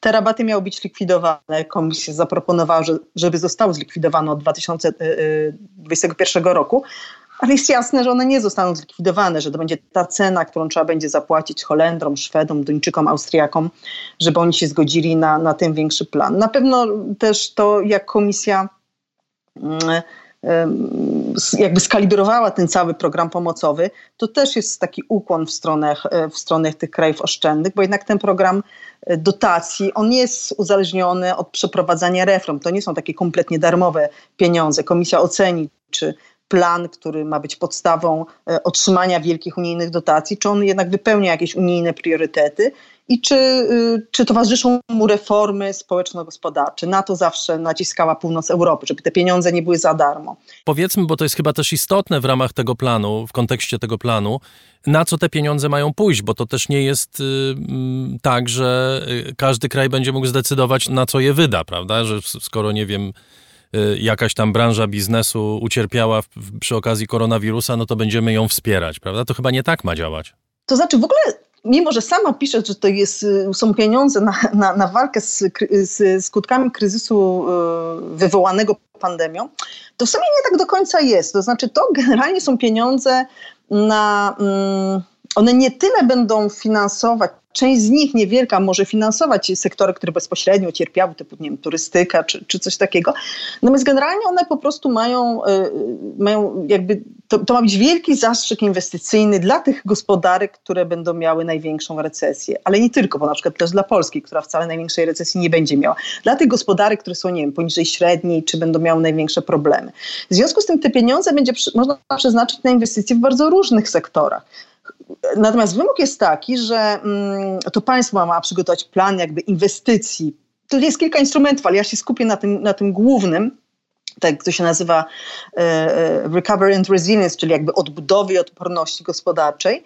I z tego głównego instrumentu to państwo członkowskie ma przygotować, rząd ma przygotować program, który prześle do Brukseli. Bruksela zaakceptuje lub nie i potem Komisja Europejska zaakceptuje lub nie i potem państwa członkowskie większością się muszą na to zgodzić. I ten plan musi spełniać dwa warunki. To znaczy po pierwsze on musi być zgodny z rekomendacjami z tak zwanego semestru europejskiego. A semestr europejski to jest taka doroczna ocena gospodarki dokonywana przez Komisję Europejską, gospodarki każdego kraju, gdzie Komisja mówi, tu musicie zrobić reformę, tu musicie, to macie złe, to musicie poprawić. Nikt się nigdy tym semestrem nie przejmował żadnej stolicy, ponieważ nic z nim nie było związane, a teraz będą z nim związane setki miliardów euro. No więc sądzę, że państwa się zaczną tym przejmować. I drugi warunek jest taki, że jednak większość tych inwestycji musi być zgodna z dwoma głównymi priorytetami Unii, czyli po pierwsze z zazielenianiem gospodarki, a po drugie z jej cyfryzacją. Czyli nie jest tak, że Polska będzie mogła każdą inwestycję wcisnąć w ten plan i dostać na nią pieniądze. Będzie e, w zasadzie te rekomendacje dla Polski z semestru europejskiego i te priorytety, czyli zazielenianie i cyfryzacja, w przypadku Polski to jest tożsame, bo większość rekomendacji dla Polski tych dorocznych mówi właśnie o efektywności energetycznej, odchodzeniu od węgla, e, budowie infrastruktury cyfrowej itd., tak itd. Tak Więc w zasadzie one będą na cyfryzację i na zieloną gospodarkę. I jeszcze tylko powiedzmy, kto jest, że tak powiem, w czubie tych, którzy będą dostawać te pieniądze, bo Polska, wspominamy o Polsce, dlatego że Polska dostanie bardzo dużo, ale najwięcej chyba dostaną Włochy, prawda? Najwięcej dostaną Włochy, na drugim miejscu będzie Hiszpania, a potem będzie Francja i Polska. To jeśli uliczymy w ujęciu brutto, czyli ile, ile, ile kto dostanie, przepraszam, jeśli uliczymy w ujęciu, w ujęciu dotacji. Jeśli dodamy do tego jeszcze bardzo nisko procentowane pożyczki, to Polska będzie na trzecim miejscu. W każdym razie Polska będzie no, za Włochami, Hiszpanią mniej więcej na podobnym miejscu jak Francja. Jak się ten plan ma do budżetu Unii na nową perspektywę, na lata 21-27? Technicznie on ma być częścią budżetu. On po prostu zostanie, y, on, ten plan jest podzielony na wiele różnych instrumentów i te różne instrumenty zostaną dopisane do odpowiednich punktów y, albo już istniejących tego wieloletniego unijnego budżetu, albo nowo tworzonych. I, I żebyśmy mieli pełną jasność, on nie zakłada dodatkowych środków z państw Unii, prawda? To znaczy komisja zbierze te pieniądze na rynku. To nie jest tak, że Polska, Francja, Niemcy będą dopłacać do tego planu. Nie, na razie nikt za to nie zapłaci. Pytanie oczywiście, jak te pieniądze zostaną zwrócone za ileś lat, ale to już jest jakby inna historia, o której ewentualnie możemy porozmawiać. Natomiast na razie nikt do 2027 roku nikt nie zamierza tych pieniędzy od nikogo, jakby nikt nie zamierza żądać zwrotu tych pieniędzy od żadnego z państw członkowskich. Myśli pani, że to jest y, przełomowy moment, jeśli chodzi o odbiór tego, co robi Unia Europejska w ostatnich miesiącach? Mi się wydaje, że to jest przełom. Ciekawa jestem perspektywy w państwach członkowskich. No, ja tutaj jakby siedzę w tej bańce brukselskiej. Dla mnie, dla mnie to jest przełom i wydaje mi się, że, że, to jest, że to jest wielka rzecz, że to jest super ambitny program, taki aż, aż nieunijny po prostu, bo jednak no, Unia to jest 27, do niedawna jeszcze 28 państw o bardzo różnych interesach, bardzo różnych kulturach, bardzo różnym podejściu w tym przypadku do deficytu, do długu i wyciągnięcie z tego, e, zawsze się mówiło, że te kompromisy to są takie kompromisy o najniższym wspólnym mianowniku. Tym razem ten mianownik jest naprawdę bardzo wysoki. E, I myślę, że, że nie wiem, że może ten, ten, ten kryzys e, dramatyczny, jeśli chodzi o skutki zdrowotne, ale też dramatyczny i bezprecedensowy, jeśli chodzi o skutki gospodarcze, że on być może doprowadzi do jakiegoś takiego no, przewrotu w Unii. I to jest w pewnym sensie. Oczywiście ekonomiści będą się spierać, ale to jest takie uwspólnotowienie tego długu, przynajmniej tej części długu, tych 750 miliardów, trochę tylnymi drzwiami. Nie wiemy jeszcze dokładnie, w jakiej części będą kraje poszczególne spłacały te długi, ale bierze na siebie zobowiązanie Komisja Europejska za wszystkich. To będzie pierwszy tak naprawdę w historii dług Unii Europejskiej. To znaczy tam technicznie rzecz biorąc Unia gdzieś tam jakieś ma, malutkie długi może, może zaciągać. Nie zaciąga, ale może zaciągać. Natomiast tu mówimy o jakichś zupełnie nie, nie, nieznaczących kwotach. Tutaj mówimy o gigantycznej kwocie 750 miliardów euro. W skali całej Unii 27 państw to oczywiście nie jest jakaś wielka kwota, dlatego że roczny budżet Unii to jest tam procent z malutkim kawałkiem całego dochodu narodowego, całego PKB Unii, prawda? Więc ten budżet, to co wspólnie wydajemy w Unii, to jest bardzo niewielka część tego, co państwa członkowskie wydają w formie swoich budżetów narodowych, więc dla Unii to w ogóle nie jest żadne, żadne ryzyko dla jej stabilności finansowej. Natomiast oczywiście e, tak politycznie, no to jest po prostu rewolucja. To znaczy Unia będzie miała jednak znaczący własny dług i nawet jeśli dzisiaj będziemy zaklinać się, że, że to jest absolutnie precedensowe, że to jest tylko na zwalczenie kosztów tego konkretnego kryzysu, że to, że to będzie um, tylko na okres kilku lat, e, znaczy, że te inwestycje mogą być dokonywane tylko w pewnym okresie, potem już, już nie.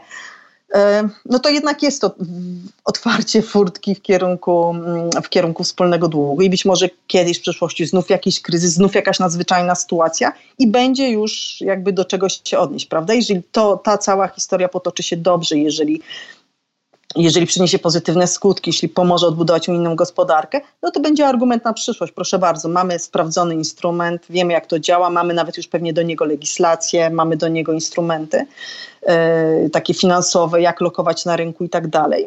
Proszę bardzo, możemy też to w przyszłości robić. Dzisiaj nikt tego głośno nie powie, też po to, żeby już dodatkowo nie zrazić tych czterech e, opornych państw, ale no na pewno to jest, e, to jest precedens. Bardzo dziękuję. Anna Słojewska, korespondentka Rzeczpospolitej w Brukseli, była gościem raportu o stanie świata. Dziękuję bardzo. I to już prawie wszystko w tym wydaniu raportu o stanie świata. Przypominam, że mogą Państwo do nas pisać raportrosiaka.gmail.com. Taki jest nasz adres. Zapis wszystkich odcinków audycji na stronie www.raportostanieświata.pl i proszę traktować tę audycję jak swoją, bo bez Państwa nie byłoby raportu o stanie świata.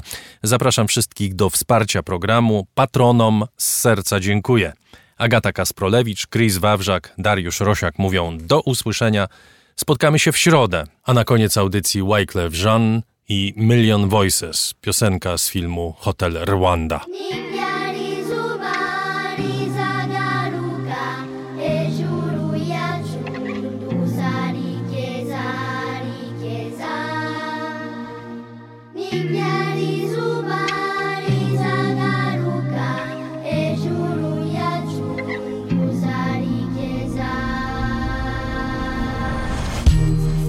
Rwanda, Rwanda,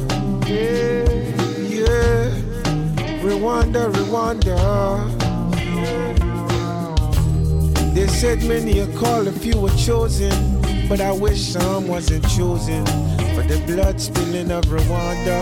Yeah. They said me shocky, shocking up in they go.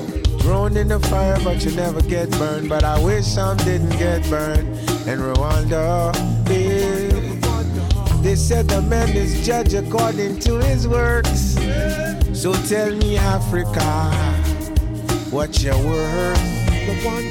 There's no money, no diamonds, no fortunes on this planet that can replace Rwanda, Rwanda, Rwanda. Yeah. These are the cries of the children.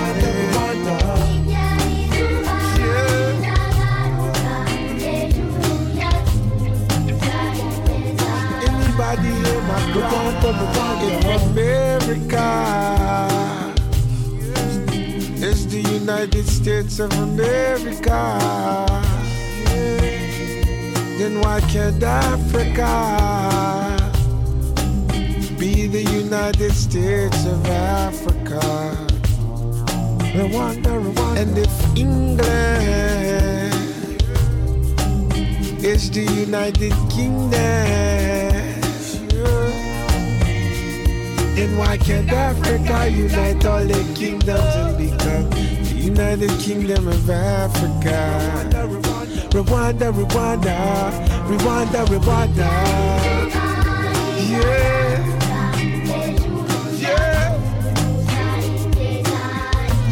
These the cries of the children.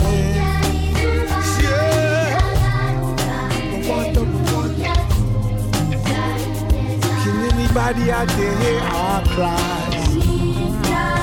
Yeah. Heaven's cry. Jesus Christ.